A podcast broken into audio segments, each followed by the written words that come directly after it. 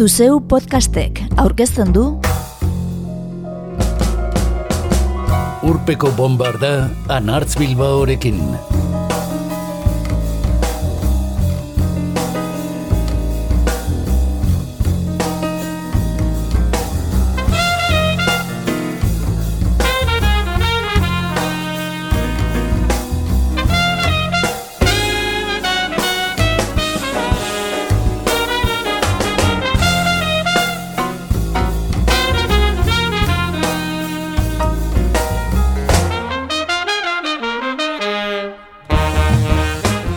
Urpeko bombardan gaur eta hirugarrenez berria zaharra erabilia moldeari lotuko gatzaio. Lan plazaratu berriren bat aurkeztu, disko zaharren bat berreskuratu eta bertzioren bat ezagutzera emateko asmoarekin.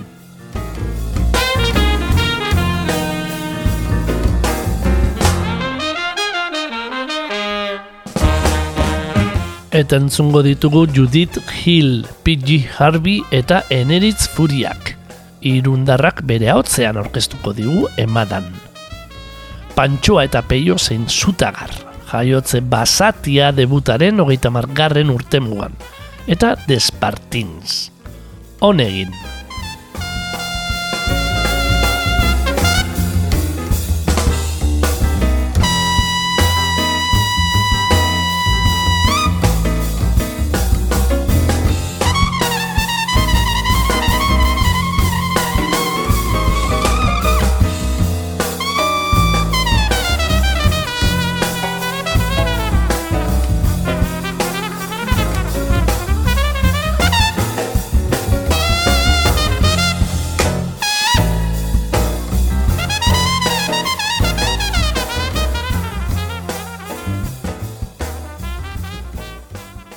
Lan berrien atalean emakumea hotzak izango ditugu nagusi gaur. Judith Hillekin hasita. Los Angeles iriko musikari estatu batuarrak funk sutzua dakar plazaratu berri duen Baby I'm Hollywood diskoan. Aita beltza eta ama japoniarra du Judith Hillek. Billy Prestonen taldeko musikariak ziren biak. Eta Prince erraldoiarekin lan egindakoa da elkarrekin ondu zuten Back in Time 2008an. Gogaituta dago ordea, berari buruz hitz egiterakoan guztiek gurasoak aipatu edo Prince aita ponteko zuela esaten dutelako. Eta bere nortasun propioa agertu gura du. Bide honetik dabil.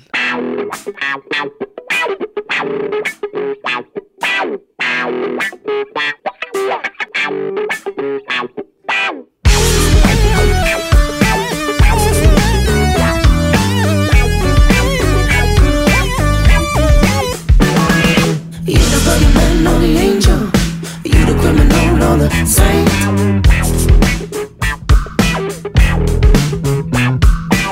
You the king, not the able.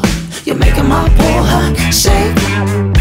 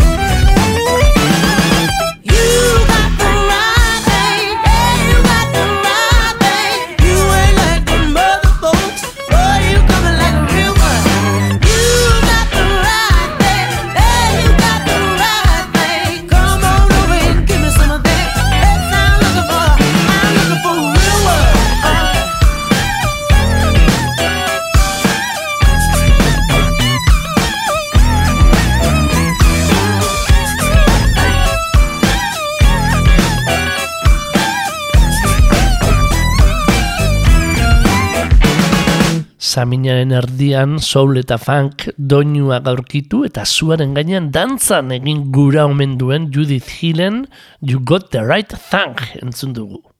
Eta P.G. Harveyren txanda dugu urrena.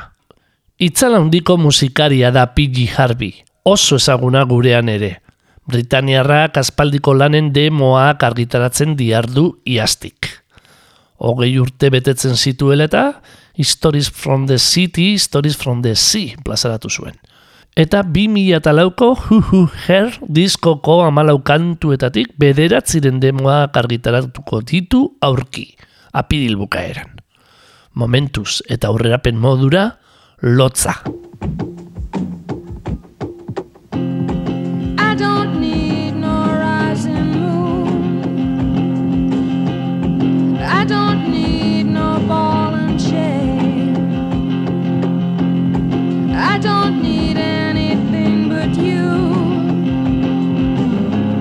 Such a shame, shame, shame. Shame, shame, shame. Shame is the shadow of love. You changed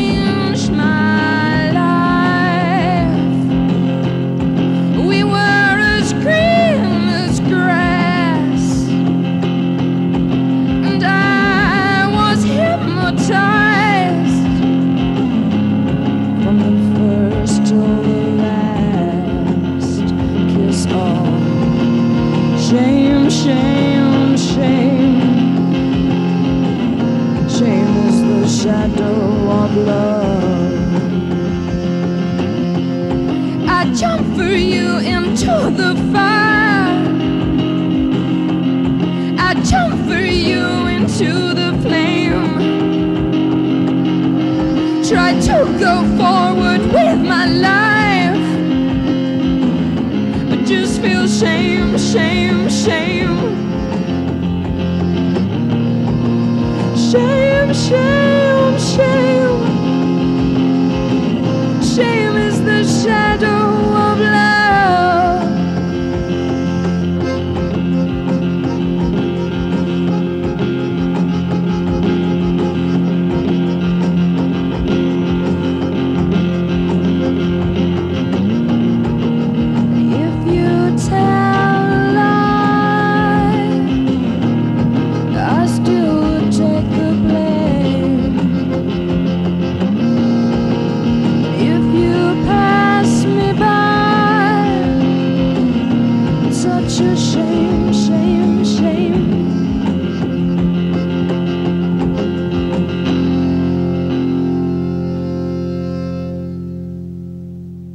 Lan argitaratu berrien atalean Judith Hill eta P.G. Harveyren Shame entzun ditu.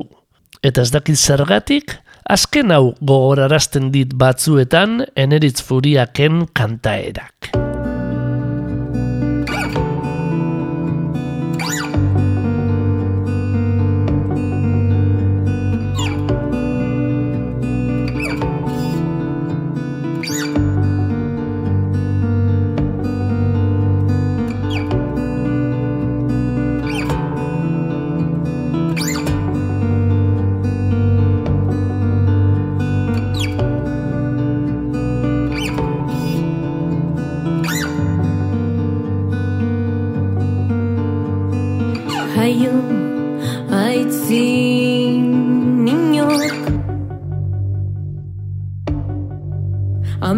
Alzuen eraikinek estalita zerua. Leiotik arago soilik auzoen munduari begira Igaroko zituela egunak. Odi fluorescente bat aterpe duen artean bitartean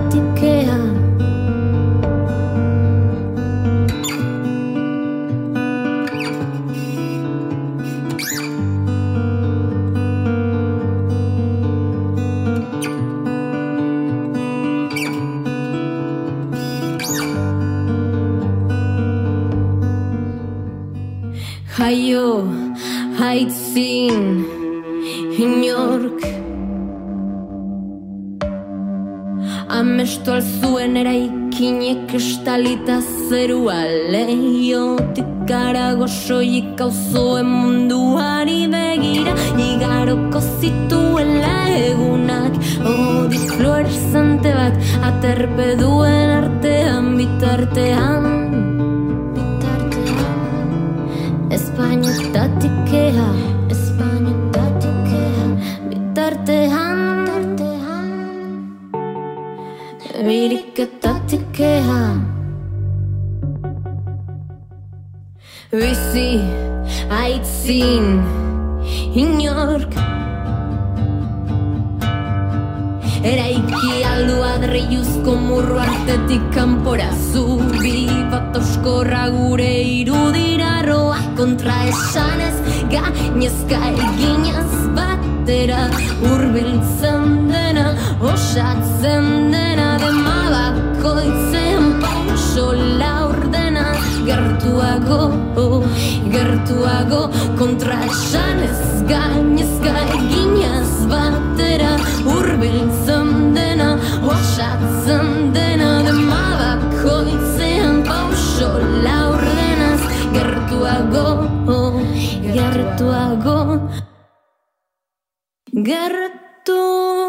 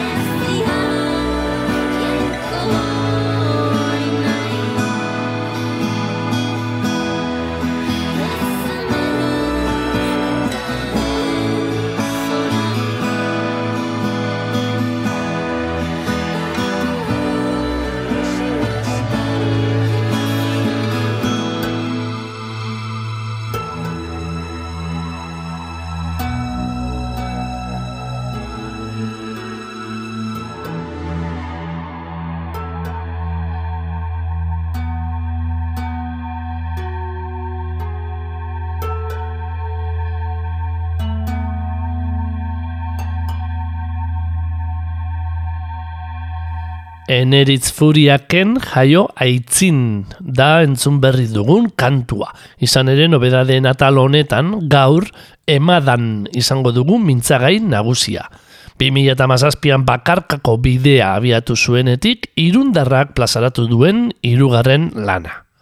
Orain gutxi aurkeztua iluntasun itzugarri bat dario diskoari. Eneriz Furiak berak aitortu digunarren, telefono bidez izandako solasatze ginean, emadan osatzen duten hamar kantuak COVIDak gure bizitzak baldintzatu aurretik ondu zituela. Ados, ba, agian atzetik aurrera hasiko naiz. Eta da, e, berez, e, bizi dugun egoerak, da, pandemiak ez dula eraginik izan, ze kantu guztiak lehenagotik idatziak e, dira. Baina egia da nire buruari esan niola, aiamaren eritz, e, inork ez dizu sinetxiko esaten duzunean ez direla pandemian idatziak, zegia da tematika batzuk e, oso ez dakit, oso ongi ezkontzen direla bizi izan dugun egoera guztiarekin. Tamalez, e, bueno, ala da.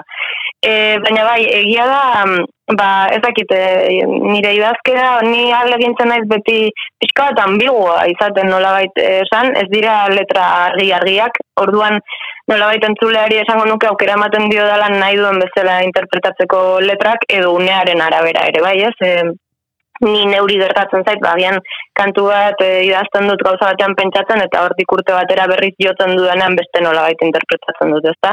Baina, bueno, azkenean e, badago e, gai nagusi bat eta da, bueno, da bizitza azkenean, e, naiz eta eram, eramanda nolabait intensidade handiago batera edo dena delakoa, baina, bueno, da galdera, galdera, galdera asko dituen disko bat da, ez direnak agian naita ez erantzun behar, baina e, azkenean bai dagoela etengabe ba, e, gatazka hori, ez? Ea markatu diguten bideo hori jarraitu edo hortik atera eta hortik ateratzekotan e, nola jasan ba, ba, e, horrek dakarren ba, pixu guztia eta prezio guztia eta dena delakoa, ez? Orduan, ba, ez dakit, tematika nagusia esango nuke hori litzatekeela.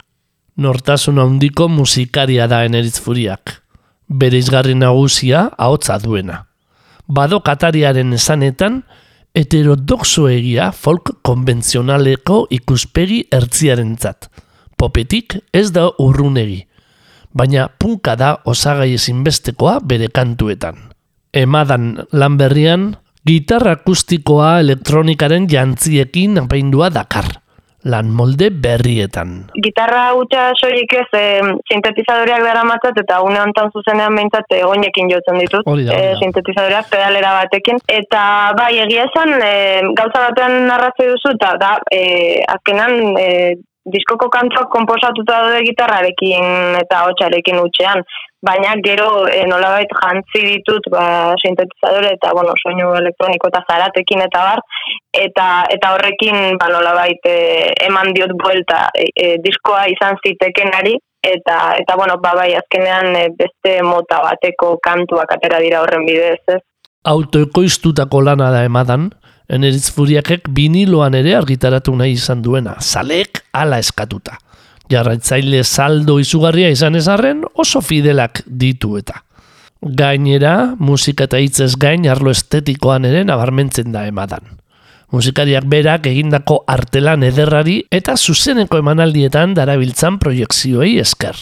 Ados, e, bai, alde batetik, e, arritu nau, e, bueno, e, jendeari, e, jende guztiak esaten ari dit azala asko gustatzen zaiola, eta niretzat sorpresa izan da, ez? E, bueno, e, nik egin nuen, baina ez, ez nekien nolako erantzuna izango zen jendearen partetik zentzu horretan.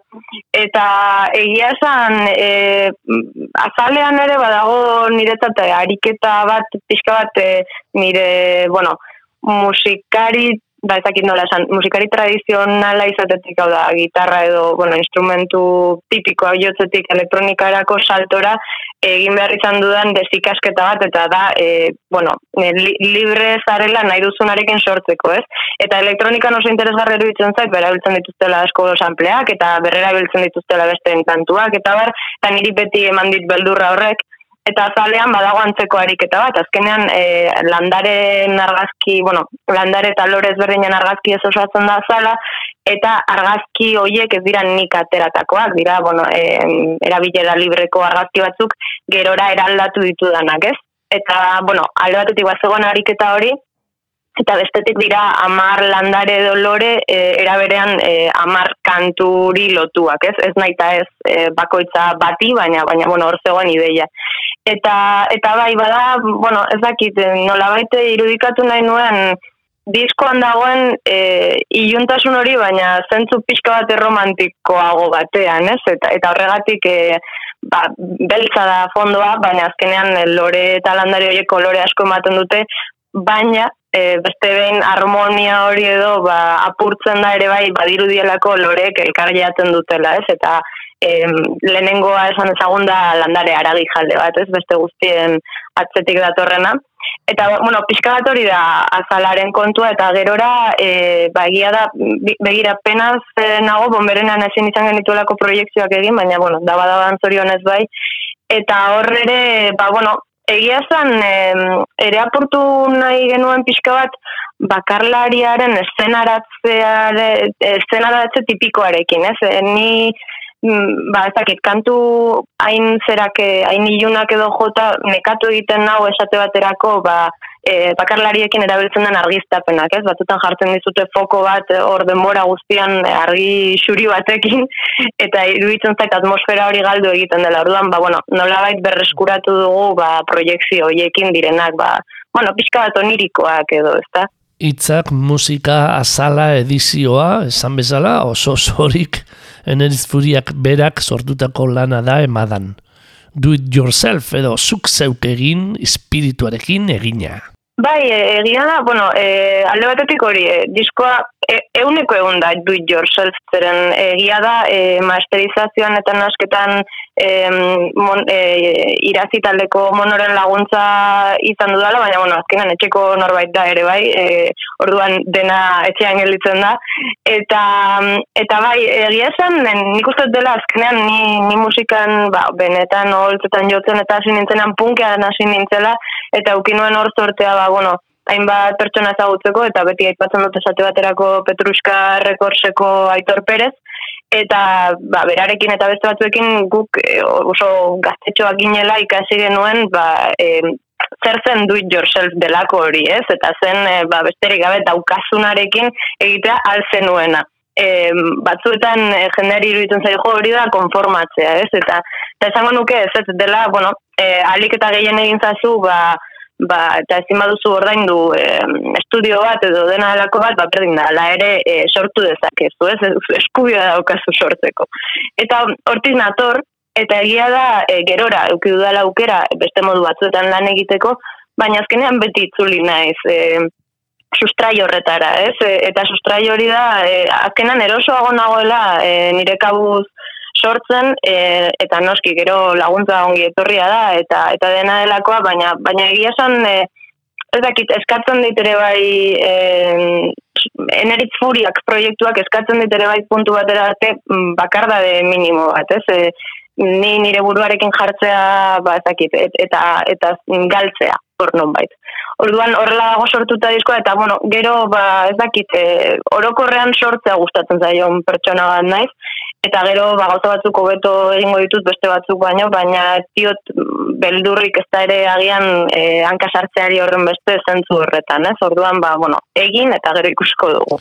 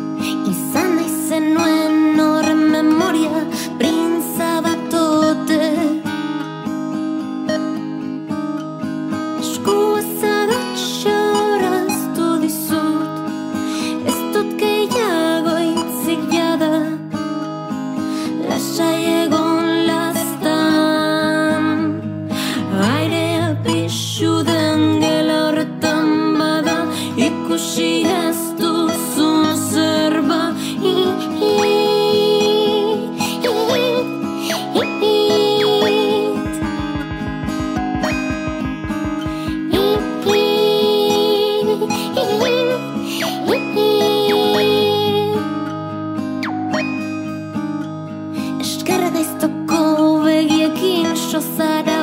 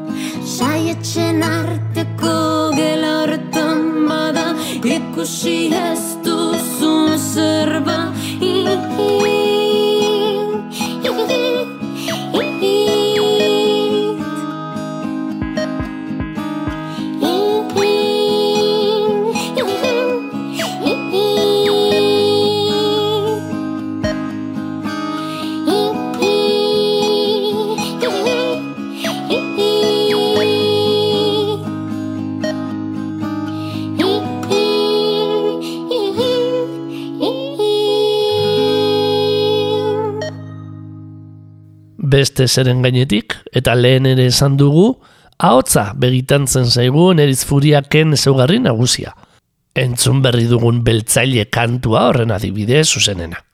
Ala hartu digu berak ere. Esango nuke hori dela bere izgarri nagusia gero, egia da nik ez dudala benetan eh, modu, bueno, eh, mezada modu autodidaktan ez dut ikasi kantuan, baina, bueno, nire jakintasunetik beti izaten dut baditu dela nola baitiru erregistro, eta bat da kantatzea e, apur bat umearen ahotsa jarriz, eta da disko honetan asko erabiltzen dudan e, molde bat. E, grazia egiten zidan gauzare sozialetan norbaitek e, aipatzen zuen, ba, elkarrizketa entzun zuela, ba, arantxa iturberekin, eta harritu zela nire ahotsa izketan entzutean, ez? Ba, uste baino e, ahots grabeagoa dauka eneritz furiak, eta bai, egia da, kantuan askotan erabiltzen dudalako, ba, ez dakite, ahots bat, e, hori aurrenetik gertuago dagoena, edo potxokienetik, esango nuke ere, bai. Eta, baina, bueno, gero beste alde batetik ere, ba, registro grabeago bat badut, eta gero registro bat, em, esango nukeena ge, gehiago gerturatzen dela, ba, ez dakit, mendira joan, eta ikusi mendizaleak kantatzen dugunean jartzen duguna, hotxo horretatik, ez, arruntagoa edo. Eta, bueno, hoiekin jolasan aritzen naiz, e, falsetearekin ere bai, naiz eta zuzenean batzutan buruko mina ematen didan gauza bat izan, eta, eta bueno, ba, azkenean nire instrumentu nagusia askotan e, ahotsa bera da, ez, eta ahotsarekin e, ba, uztartuz, ba, hitzak e, esaten didanaren arabera, ba, gauza bat edo beste hautatzea. Musikarekin nahikoa ez balitz, gainera komunikatzeko gaitasun izugarria agertzen du zuzenekoetan. Eta horrek gertuko egiten du entzularentzako.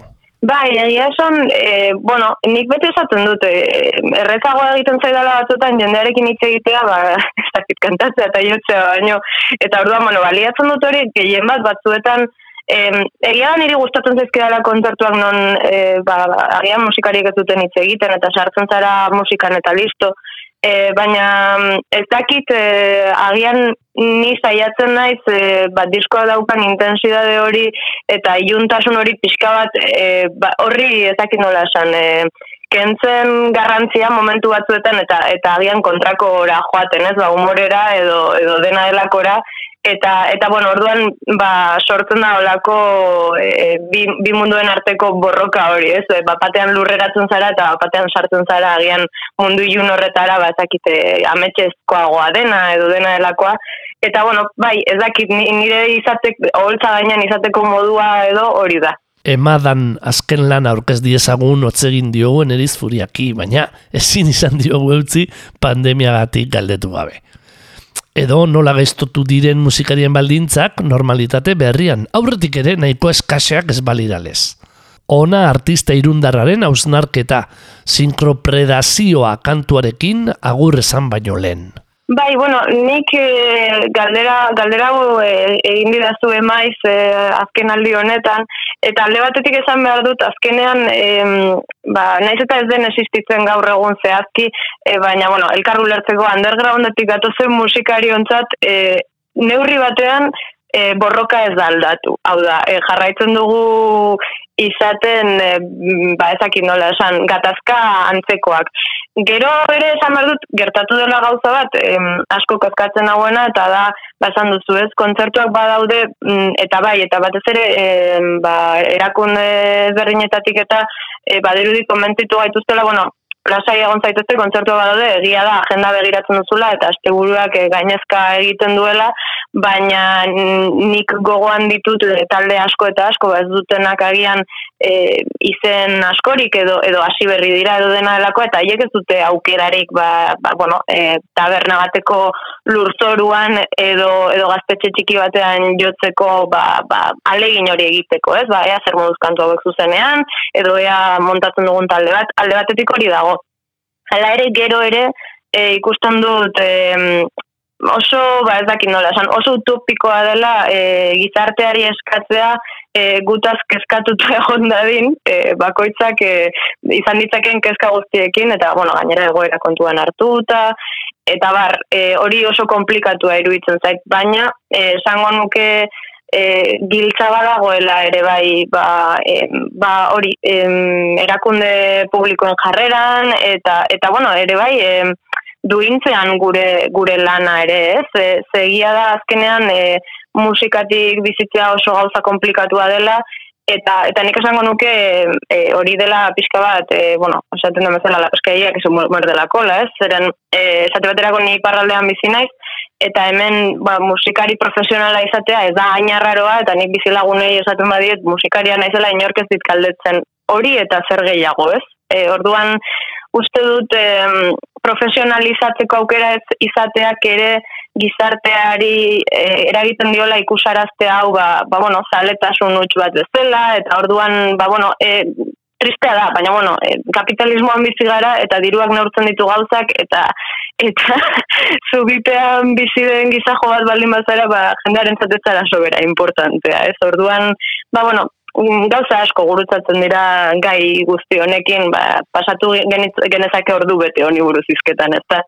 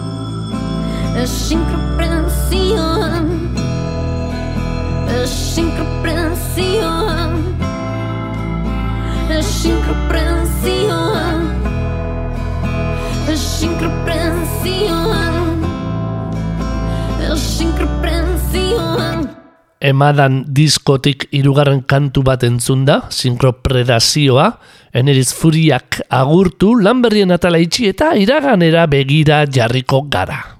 Berrogei urte bete dira oraintzu, 2008 bateko martxoaren bederatzean, Telesforo Monzon zendu zela.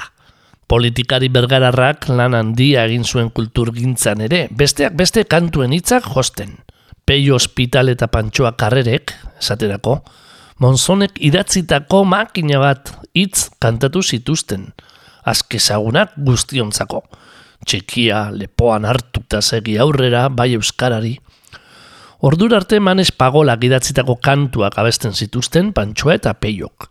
Baina mila bederatzen hunde irurogeita sortzian, Monzon ezagutu eta harremana egin zuten.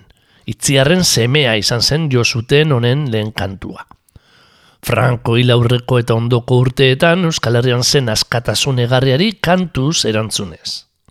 Gaur, aita kartzelan duzu entzungo dugu Pantxo eta Peioren ahotzean.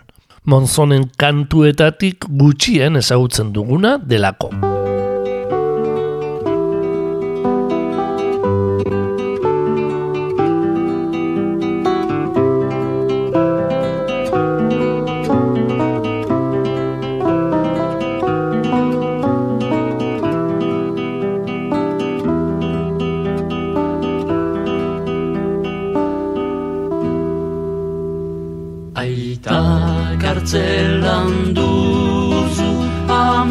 Iskutuan duzu, Euskal Herriaren gain aurra, gaurri guztirik ez duzu.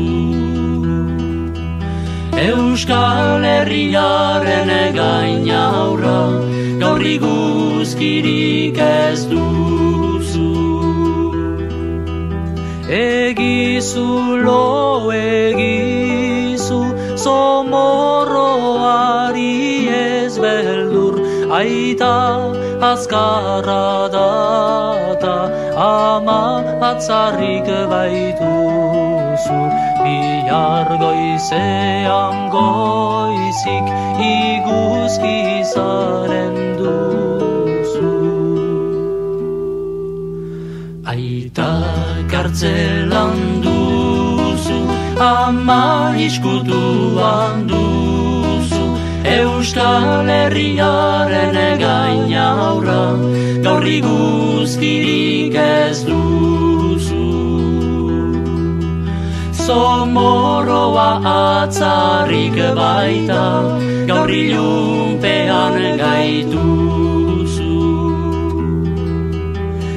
Bihar eta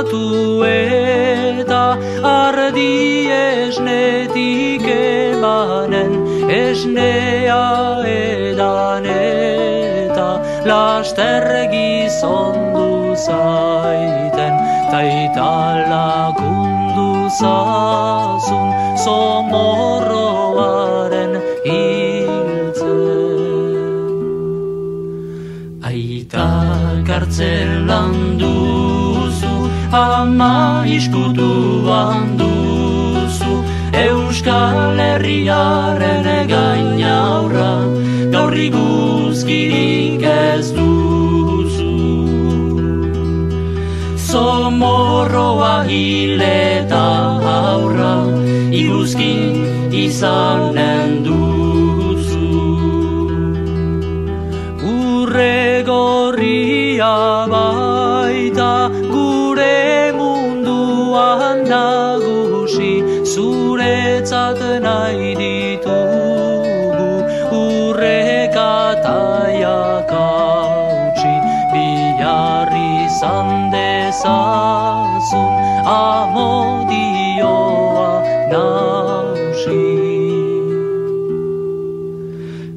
Kartzela hutsik duzu, amar ziren nundituzu, lurrazpitik igesi dire eta bidean dituzu. Irriño bat egizu aurra, aita bidean baituzu. Aitaren besoetan aurra Biarlo eginen duzu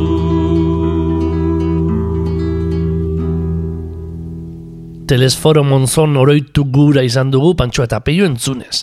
Eta soinua erabat gogortuta zuta garrentzungo dugu jarraian. Hauek ere urte muga borobil baten inguruan. Hogeita marrute bete dira zarata diskaken jaiotze basatia izan zutela.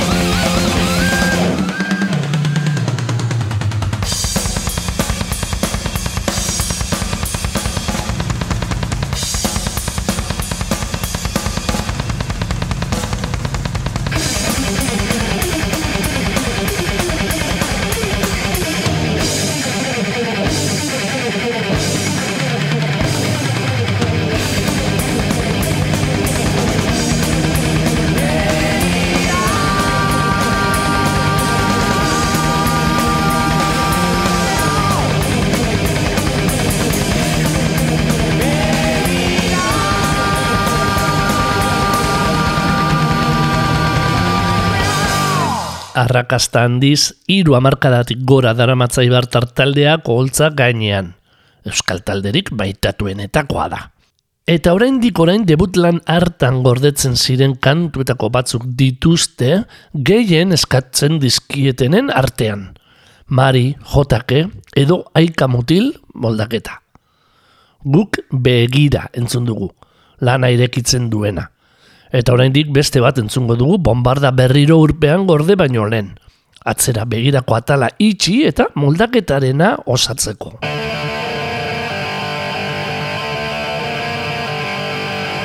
Nik ez diak inoiz esango. Iregin beharra zein den. Nik aspaldi egin nien aukera. Jotake irabazi arte! Sutagar, jaiotze basatia, izeta mila bederatzireun dalaro maika. Abuztuak amalau, mila bederatzireun eta laro mar. Larrabetzuko hori bai gaztetxera abiatu ginen, gidatzeko baimenak atera berri, ezin galdu genezaken aurkezpen kontzertu batera. Jendetza pilatu zen sarreran eta halako batean bidea zabaldu zitzaien gerrirainoko zapak zituzten Aitor Gorosabel, Xavier Bastida, Asier Osoro eta Borxa Arrillagari. Sutagar heavy metal taldea jotzekoa zen. Itzela zen taldea zuzenean ikusteko genuen gogoa. Arteragoko hilabeteetan esku artean erabili genuen eta euren maketa. Nork eta JM San Pedro Sanpek, PLT, guta gutarrak pasatutakoa. Azalean gitarra bat ageri zen sua zinguratua gorri beltzean. Arritu egin gintuen maketa ark hainbat arrazoirengatik. Hasteko izena, Sutagar. Ez dago euskeraz heavy metal talde bat izendatzeko oberik estiloak transmititzen duen indarra eta berotasuna ondoen definitzen duena. Horri lotuta, hizkuntzaz gabiltzalarik, ba euskeraz egiten zutela. Ordura arte, euskal rock joerek eta entzuleek baztertuse zuten estilo hori eta mutilauek arrotasunez aldarrikatzen zuten. Eta bukatzeko oso ondo egiten zutela. Klixe guztiak zekartzaten, estiloan eta gaietan lastar zetozen burura erreferentzia oso garbiak, ala nola Iron Maiden, Metallica, Judas Priest, Halloween, larogeiko amarkadaren amaieran goi-goian zeudenak. Gaiak ere, atzerriko jebi taldeetan zerabiltzatenak ziren, basamortuetako zalduna, infernurako bidean, gaztelupeko hotxak zigiluak zedean bildu zituen. Sutagar, mila bederatzireun dalarogeita zazpi, mila bederatzireun dalarogeita bederatzi. Kontzertu hartan, maketako kantak ez eze, urrengo lan luzean etorriko zirenak ere aurkeztu zizkiguten. Eta Judas Priesten Electric Eye eta IG Malmsteen eskolariaren Trilogy Opus No. 5 pieza instrumentala. Mila bederatzireun dalaro maikan etorri zen jaiotze basatia. Izen ezin aproposagoa oraingoan ere. Azala komiki estetika duna zen, Manolo Gilena, Bertan, lurpetik asfaltoa txikitu egiten duen gazte zapasto larruzko txupaduna ageri da. Amnistiaren aldeko pintada orman eta kale langileak. Izeta diskoetxeak kaleratu zuen hiru formatutan. Vinilo, kasete eta zedean. Edizio digitalean, aikamutil kantuaren bertsioa ere sartu zuten, aurreratxoago grabatu zutena Txeroki Mikel Laboaren kantak diskoan. Sutagar taldearen lehenengo lan luzenek ondo erakusten zuen taldearen iturriak zeintzuk ziren. Sasoi hartan heavy power metal munduan nagusitu egin zirenak eta geurera ondo ekarriak. Mari, mito euskalduna bombo bikoitzarrapa ezinean, estilo bereko ere etxigabe, gaia hartzela duena, gauari ere kantatu egiten zaio zelanez, zure aurrean makurtzen naiz abestian, baina ritmo pisutsuan, gazte palestinarrak ere ageri dira David eta Goliat kantuan. Lanari izena ematen diona ale instrumentala dugu, ez oso ohiko kontua euskal rock musikan. Entxeatzeko gogoa kentzeko modukoa, inkertzen dodoana, erritmo aldaketaz josia, solo eta gitarra zorrotzak. Ikaratzeko moduko abiada hartu arte, taldearen jotzeko indar, amorru eta virtuosismoaren erakusle. Txapo izeta estudioetan grabatu zuten kaki arkarazoren ardurapean. Sutagar, Euskal Heavy Metalaren alfa eta omega.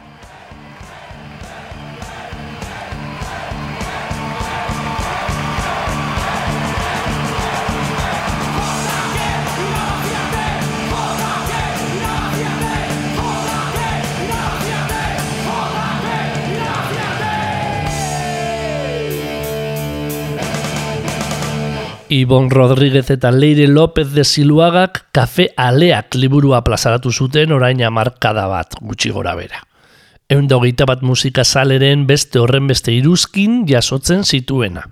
Isidro Elgezabal lagunak zutagarren jaiotze basatia hautatu zuen. Eta bertan idatzitako testua da antzungai izan duzuena. Jotake azpitik zela. The Spartins talden daiarrak bere egin zuen kantua. Eta erritmoz era bat aldatuz emaitza harrigarria erdietzi. Jotake edo jotake je dantzagarri bat. Horra gaurko moldaketa. Saioari bukaera emateko baliatuko duguna. Jaio ginen bai, uta baten erdiaan urteak pasa, ta berdinetan gaude.